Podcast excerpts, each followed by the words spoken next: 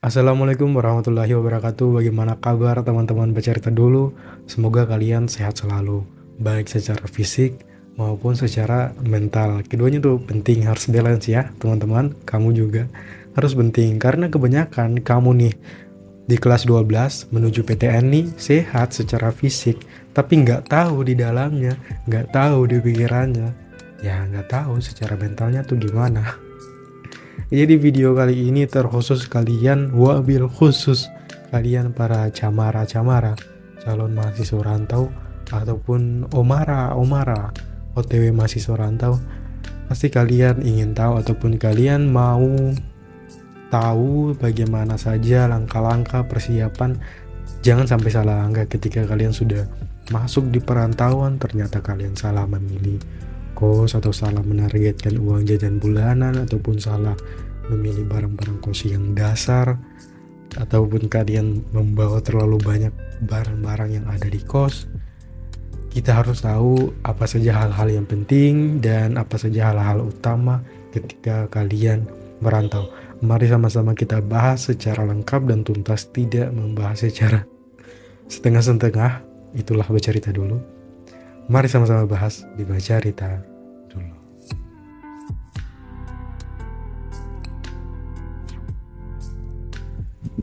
Oke, sebelum lebih panjang kali lebar kali tinggi video ini, saya penasaran. Kamu nih mahasiswa, bukan mahasiswa sih, masih calon. Calon mahasiswa yang ingin merantau ke mana nih kamu? Kamu, ya kamu yang lagi nonton video ini. Ingin merantau ke mana? Kamu merantau ke Jawa, ataupun kamu ingin merantau ke Sumatera mungkin atau ke Sulawesi atau ke Kalimantan di mana nih tujuan perantauan kalian? Tulis di kolom komentar. Penasaran nih saya untuk kalian yang sedang mengklik video dan menonton sampai di menit kesekian itu kalian ingin merantau ke mana sih sebenarnya? Jadi sebelum lebih panjang saya ingin kasih tahu nih tiga hal dasar dan yang paling utama ketika kalian ingin merantau. Mobil khusus kalian nih yang sudah pasti ingin merantau. Yang paling pertama yaitu uang. Pasti kalian pikir mental. Bukan, bukan mental yang paling utama. Yang paling utama adalah uang. Itu tidak lain, tidak bukan uang. Karena bagi konteksnya seorang mahasiswa, uang jelas adalah hal yang sangat penting. Ya, wa mungkin ada yang mendapatkan uang dari beasiswa, syukur alhamdulillah. Ada yang mungkin mendapatkan uang dari orang tua, syukur alhamdulillah. Ataupun yang mendapatkan uang dari hasil pekerjaan pekerjaan kamu, syukur alhamdulillah. Tapi yang paling penting ini adalah uang. Kita tidak bisa memungkiri kalau uang adalah yang penting. Ya banyak orang bilang uang bukan segalanya, tapi kan segalanya kan perlu uang. Kalian menonton video ini juga perlu kuota ataupun kalian kalau contoh kalian pakai wifi wifi juga dibayar pakai uang. Dan juga kalian pakai mobile HP ini untuk menonton video ini pakai uang. Kalian nonton pakai laptop laptop dibayar pakai uang. Bukan dibayar dibeli kan pakai uang.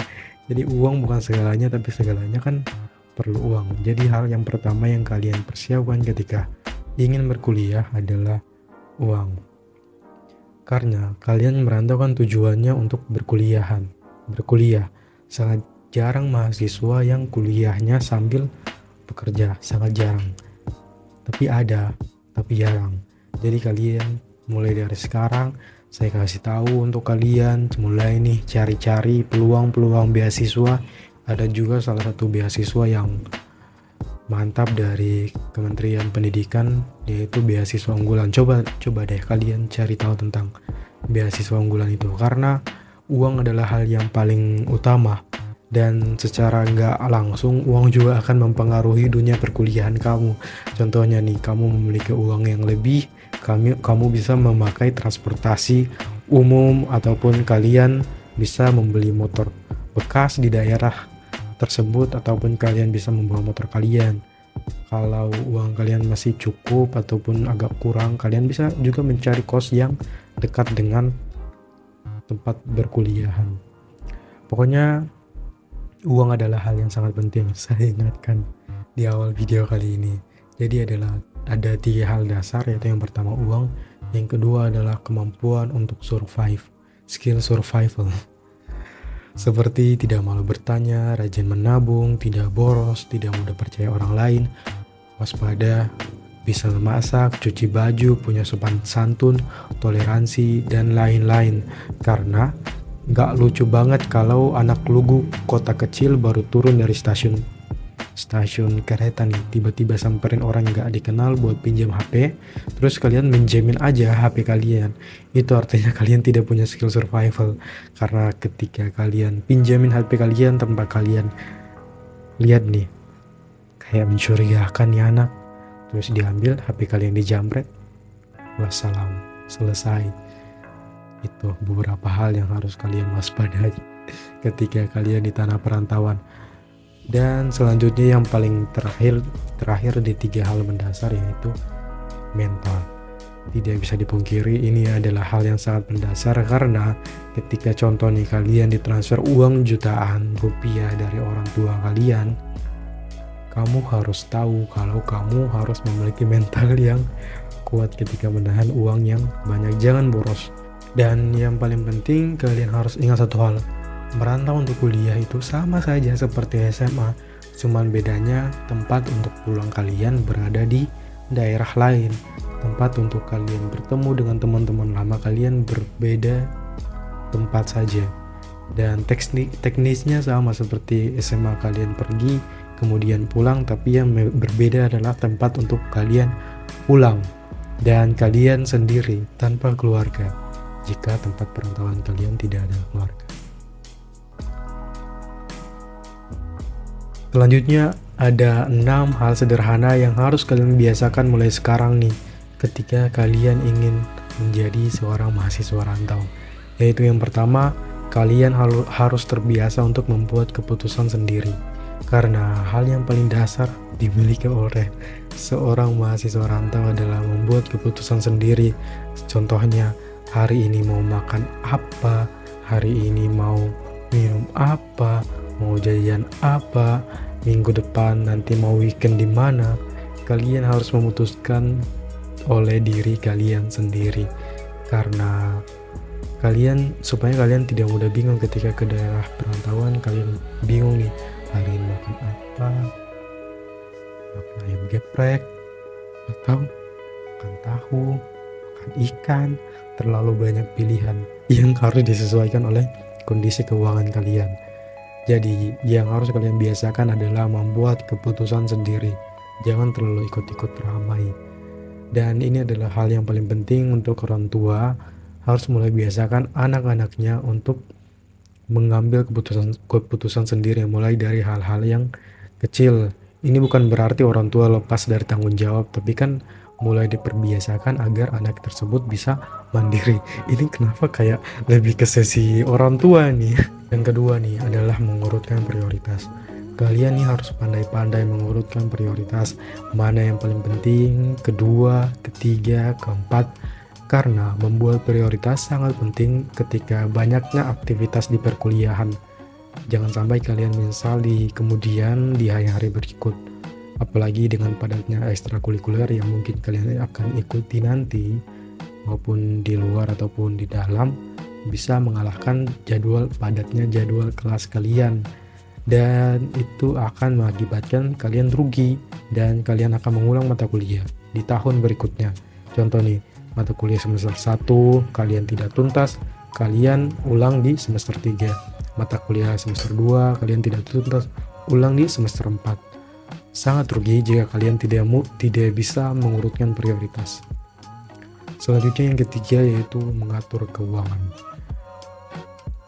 Tinggal jauh dari rumah berarti kalian harus memiliki skill dalam mengatur keuangan sendiri, termaksud pengeluaran sehari-hari.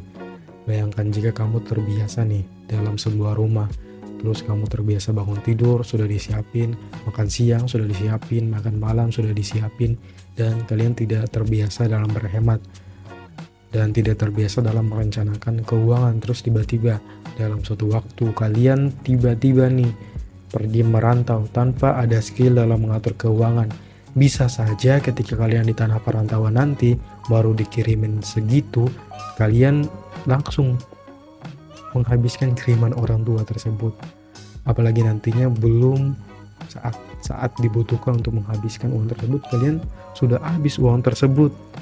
Dan oleh karena itu skill dalam mengatur keuangan ini sangat penting ketika kalian pergi ke tanah perantauan.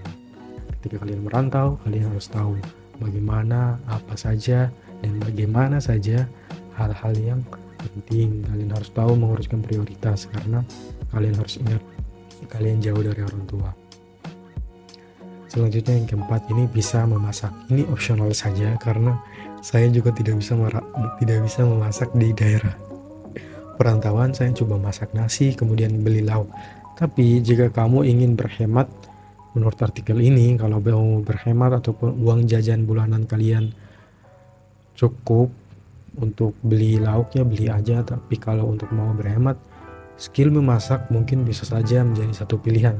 Tapi kalau saya saya tidak bisa masak tapi saya beli panci elektrik ada panci elektrik untuk kayak memanaskan masakan atau masak mie sebenarnya bisa juga sih masak mie di Magicom tapi saya di panci elektrik ini dan salah satu tips dalam menghemat keuangan adalah memasak Oke, selanjutnya yaitu menjaga kesehatan. Yang kelima, kalian sebagai anak perantauan harus harus menjaga kesehatan. Karena ingat, kalian jauh dari tanah perantauan. Aktivitas kalian sehari-hari sebagai mahasiswa tentunya sangat padat dan menyita perhatian. Harus diimbangi dengan menjaga kesehatan, baik secara fisik maupun secara psikis. Jika sakit jika sakit melanda kalian, kalian juga harus tahu apa saja obat-obatnya dipersiapkan. Jika kalian sering sakit penyakit tertentu, obat tersebut harus sudah disiapkan. Ada beberapa penyakit yang sering dilanda oleh anak kos. Semoga kalian terhindari dengan penyakit, penyakit ini. Yang pertama itu mak, kedua migrain, ketiga tifus, keempat insomnia, kelima diare, kemudian flu dan usus bunyi. Menyeramkan. Jadi saran dari saya sebelum kalian merantau kalian juga sudah tahu penyakit kalian yang sering dialami kalian nih apa saja supaya kalian juga sudah mempersiapkan obat-obat yang mudah didapatkan di apotek dan juga mempersiapkan obat-obat di kotak khusus obat penyimpanan. Kalian taruh di kos dan jika jikalau saja amit-amit kalian sakit sudah ada obatnya sudah ada kalian sudah tahu cara menanggulangi sakit tersebut. Yang keenam yaitu pintar bergaul. Tugas utama seorang mahasiswa yang baru merantau yaitu mencari sebanyak-banyaknya di kampus. Eits.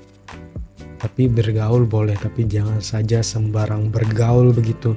Jangan bergaul dengan banyak orang sebanyak-banyaknya tanpa kalian milah-milih orang tersebut. Bagaimana? Boleh berteman sebanyak-banyaknya tapi yang benar-benar menjadikan teman-teman sebaik dekat kalian harus wanti-wanti. Karena seseorang itu bisa dilihat dari temannya. Saran saya, hati-hati dalam berteman di dunia perantauan. Hati-hati guys. Teman-teman ini bisa kalian cari di komunitas contohnya ataupun di organisasi di sebuah study club kalian bisa banyak dapatkan teman-teman kalian tapi jangan terlalu kepo apalagi kalian sebagai orang yang baru jangan terlalu kepo terhadap orang yang masih asing nih takutnya dia risih takutnya dia tidak nyaman Oke, tadi adalah enam hal penting dan juga enam kebiasaan yang harus kalian terapkan sebagai seorang mahasiswa rantau.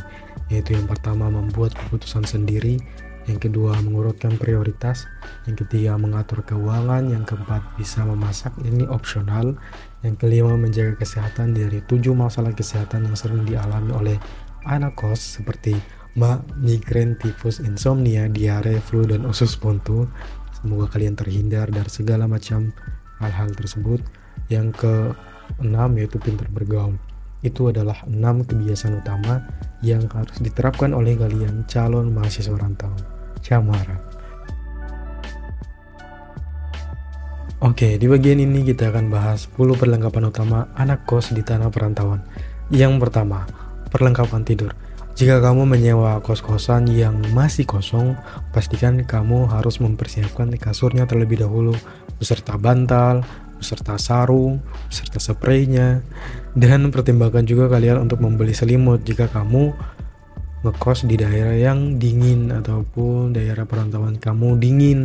Contohnya di Malang, di Bandung, ukur terlebih dahulu ruangan kamu supaya kasur yang kamu beli dan persiapkan tuh ukurannya pas. Yang kedua yaitu perlengkapan mandi. Hal wajib yang kalian harus bawa ketika kalian ngerantau adalah perlengkapan mandi. Sabun, sampo, sikat gigi, pasta gigi, sabun cuci muka, sabun cuci badan, sabun badan, sabun cuci badan, sabun badan, dan lain-lain yang kalian butuhkan untuk peralatan mandi. Masukkan semua itu ke dalam suatu wadah supaya kamu tidak butuh mencari satu demi satu ketika ingin mandi. Ataupun kamu yang kos di kamar mandi dalam beli tempat perlengkapan alat mandi taruh di situ saja. Selanjutnya yang ketiga makan peralatan makan. Meskipun kamu tidak memerlukan untuk memasak namun peralatan makan harus tetap kamu miliki. Peralatan makan seperti piring, sendok, gelas, dan kawan-kawan juga barang wajib yang harus dimiliki oleh kamu nih sebagai anak perantauan, anak kos-kosan. Karena biasanya pemilik kos tidak menyediakan barang-barang seperti ini. Jadi kamu harus punya sendiri. Jangan lupa untuk selalu menjaga barang-barang kamu dan dilabeli nama jikalau itu perlu buat kamu nih. Keempat yaitu peralatan untuk bersih-bersih.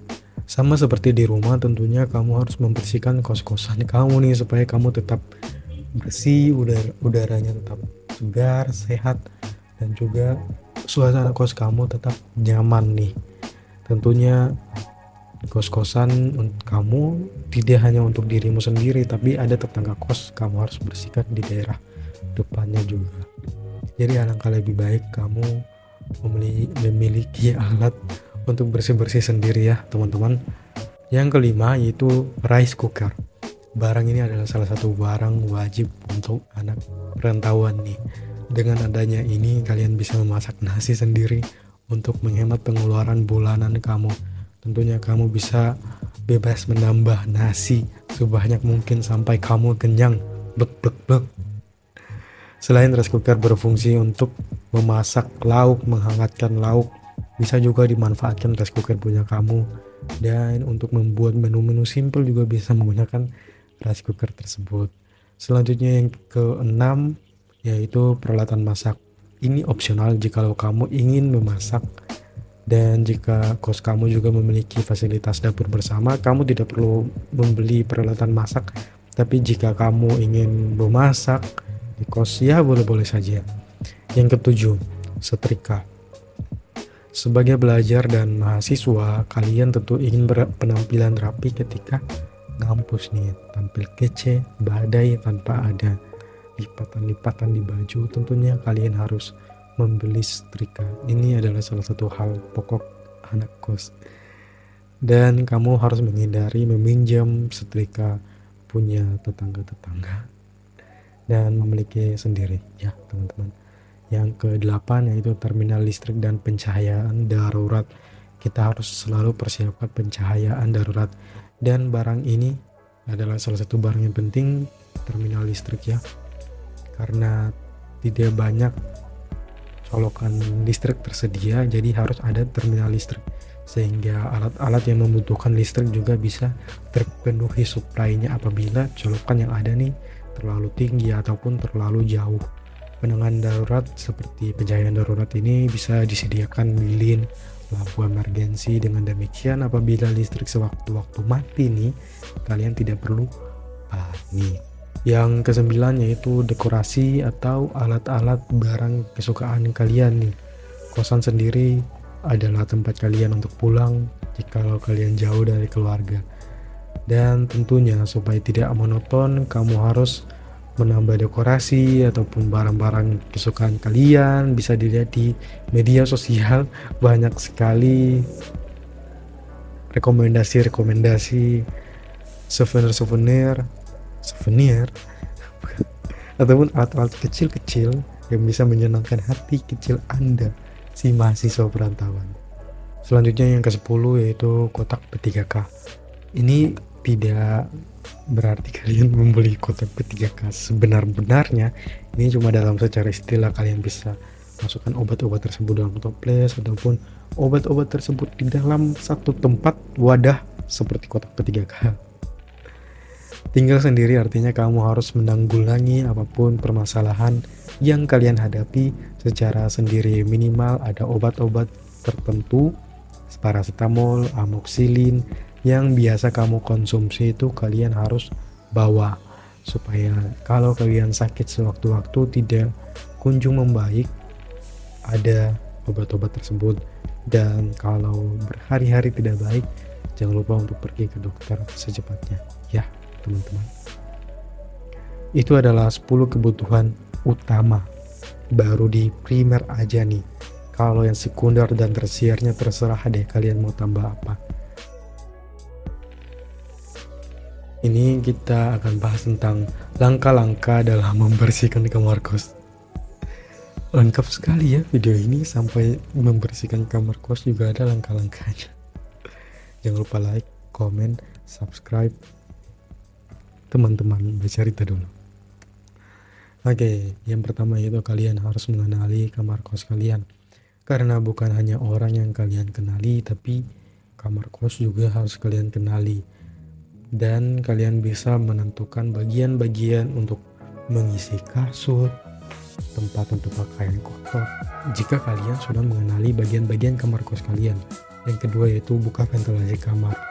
Selain untuk pertukaran udara, tentunya debu di kamar akan berterbangan nih ketika kalian membersihkan kamar kos. Karena itu buka ventilasi supaya tidak terlalu lembab dan juga pengap fungsi ventilasi kan pertukaran udara. Saya sarankan jika Anda ngekos, pilih kos-kosan yang ada ventilasi.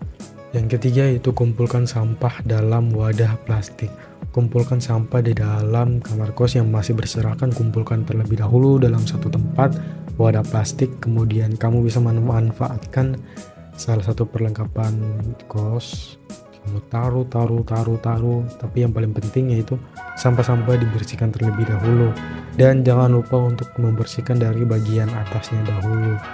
Dari bagian lemari bagian atas kemudian bagian langit-langit. Kalian bersihkan dari atas ke bawah. Jangan terbalik dari bawah ke atas. Itu kalian akan kerja dua kali. Karena adanya kotoran bagian atas turun ke bawah bukan dari bawah turun ke atas Selanjutnya itu jangan lupa untuk mengumpulkan pakaian kotor dalam satu tempat. Kalau terburu-buru biasanya kan asal-asal lempar. Tapi jangan lupa untuk dalam satu tempat saja supaya gampang ketika kalian ingin bawa ke laundry ataupun kalian ingin nyuci sudah ada dalam satu tempat yang sama. Yang keenam setelah meletakkan tempat pakaian kotor, kalian harus menyesuaikan perabotan dan atur barang nih, barang-barang kalian misalnya buku-buku kalian susun di satu tempat yang sama kemudian piring-piring dalam satu tempat yang sama. Yang ketujuh yaitu pisahkan barang yang sering dan jarang dipakai. Kelompokkan nih barang-barang yang sering kamu pakai dan tentunya yang jarang kamu pakai supaya tidak terlalu mengganggu pemandangan di kamar kos kamu. Yang kedelapan yaitu manfaatkan ruang dinding yang masih kosong.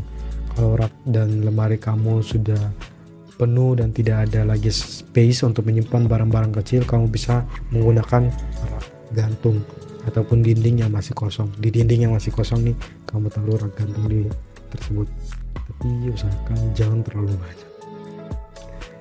Kalau masih ada space yang kosong di lemari, isi saja di lemari supaya tidak terlalu merendahkan kamar kos kalian. Dan yang terakhir yaitu kamu menghindari barang-barang yang mudah terbakar. Ada baiknya kamu menghindari barang-barang yang mudah terbakar, contohnya seperti rokok, aromaterapi, obat nyamuk di dalam kamar kos kamu. Boleh saja sih kamu menyalakan barang-barang tersebut, tapi jangan sampai kamu membiarkan menyala terus-menerus, apalagi sampai kamu ditinggal tidur. Bisa saja kamar kos kamu terbakar.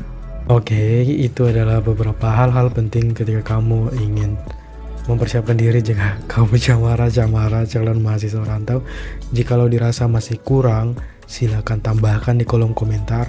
Jika dirasa masih ada hal-hal yang perlu saya bahas, silakan komen di kolom komentar ya teman-teman.